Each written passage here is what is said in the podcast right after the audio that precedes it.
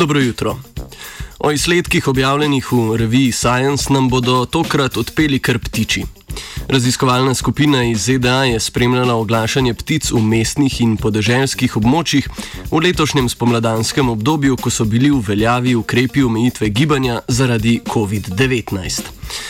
Raziskovalke in raziskovalci so se osredotočili na zvočno sporazumevanje vrabonada, pripadnika družine vrabcev.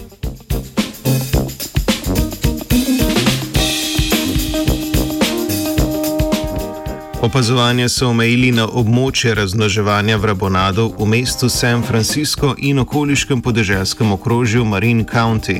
Navadno so samci mestnega vrabonada do trikrat glasnejši kot podeželski. V času med aprilom in majem pa se je glasnost mestnih ptičev znižala in približala glasnosti podeželskih, pri katerih v oglašanju ni bilo opaziti večjih sprememb.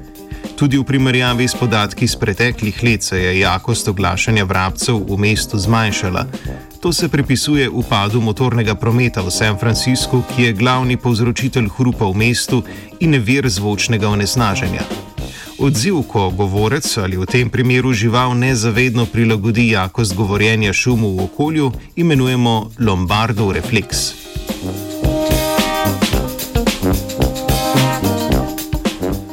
Zabeležena pa je bila tudi sprememba višine frekvence, na kateri so se oglašali samci. Petje ima pri pticah velik pomen tudi v socialnem življenju, saj z njim označujejo teritorij, pomembno vlogo pa ima tudi pri razmnoževanju. Pred upadom hrupa so samčki peli v višjih frekvencah, saj so s tem preglasili mestni hrup, ki zapolnjuje nižje frekvence. Tudi podeželski vrabonadi v primerjavi z mestnimi pojejo na nižjih frekvencah, kjer konstanten hrup v okolju predstavljata le veter in ocean.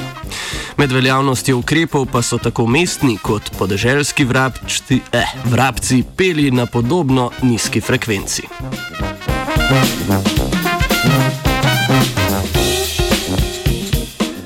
Tudi same pesmi so zaradi zmanjšanega onesnaženja s hrupom potovale dlje. Kako daleč potuje zvok pri pticah vpliva na samo stanje populacije in se lahko odrazi v teritorijalnih konfliktih in vplivom na parjenje? Kako je kratko tiho obdobje v mestu vplivalo na populacijo vrabonada v San Franciscu, je ena izmed možnosti za nadaljne raziskovanje.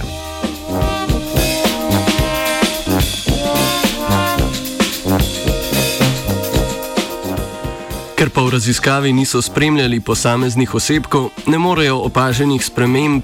Ne morejo opaženih sprememb pripisati le lombardovem refleksu.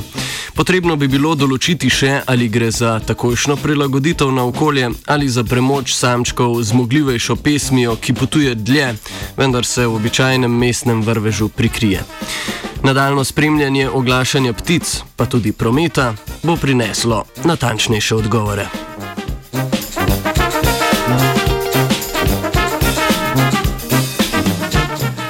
Pticam pevkam se s frekvence 89,3 pridružuje Klara. Poslušate radio študent.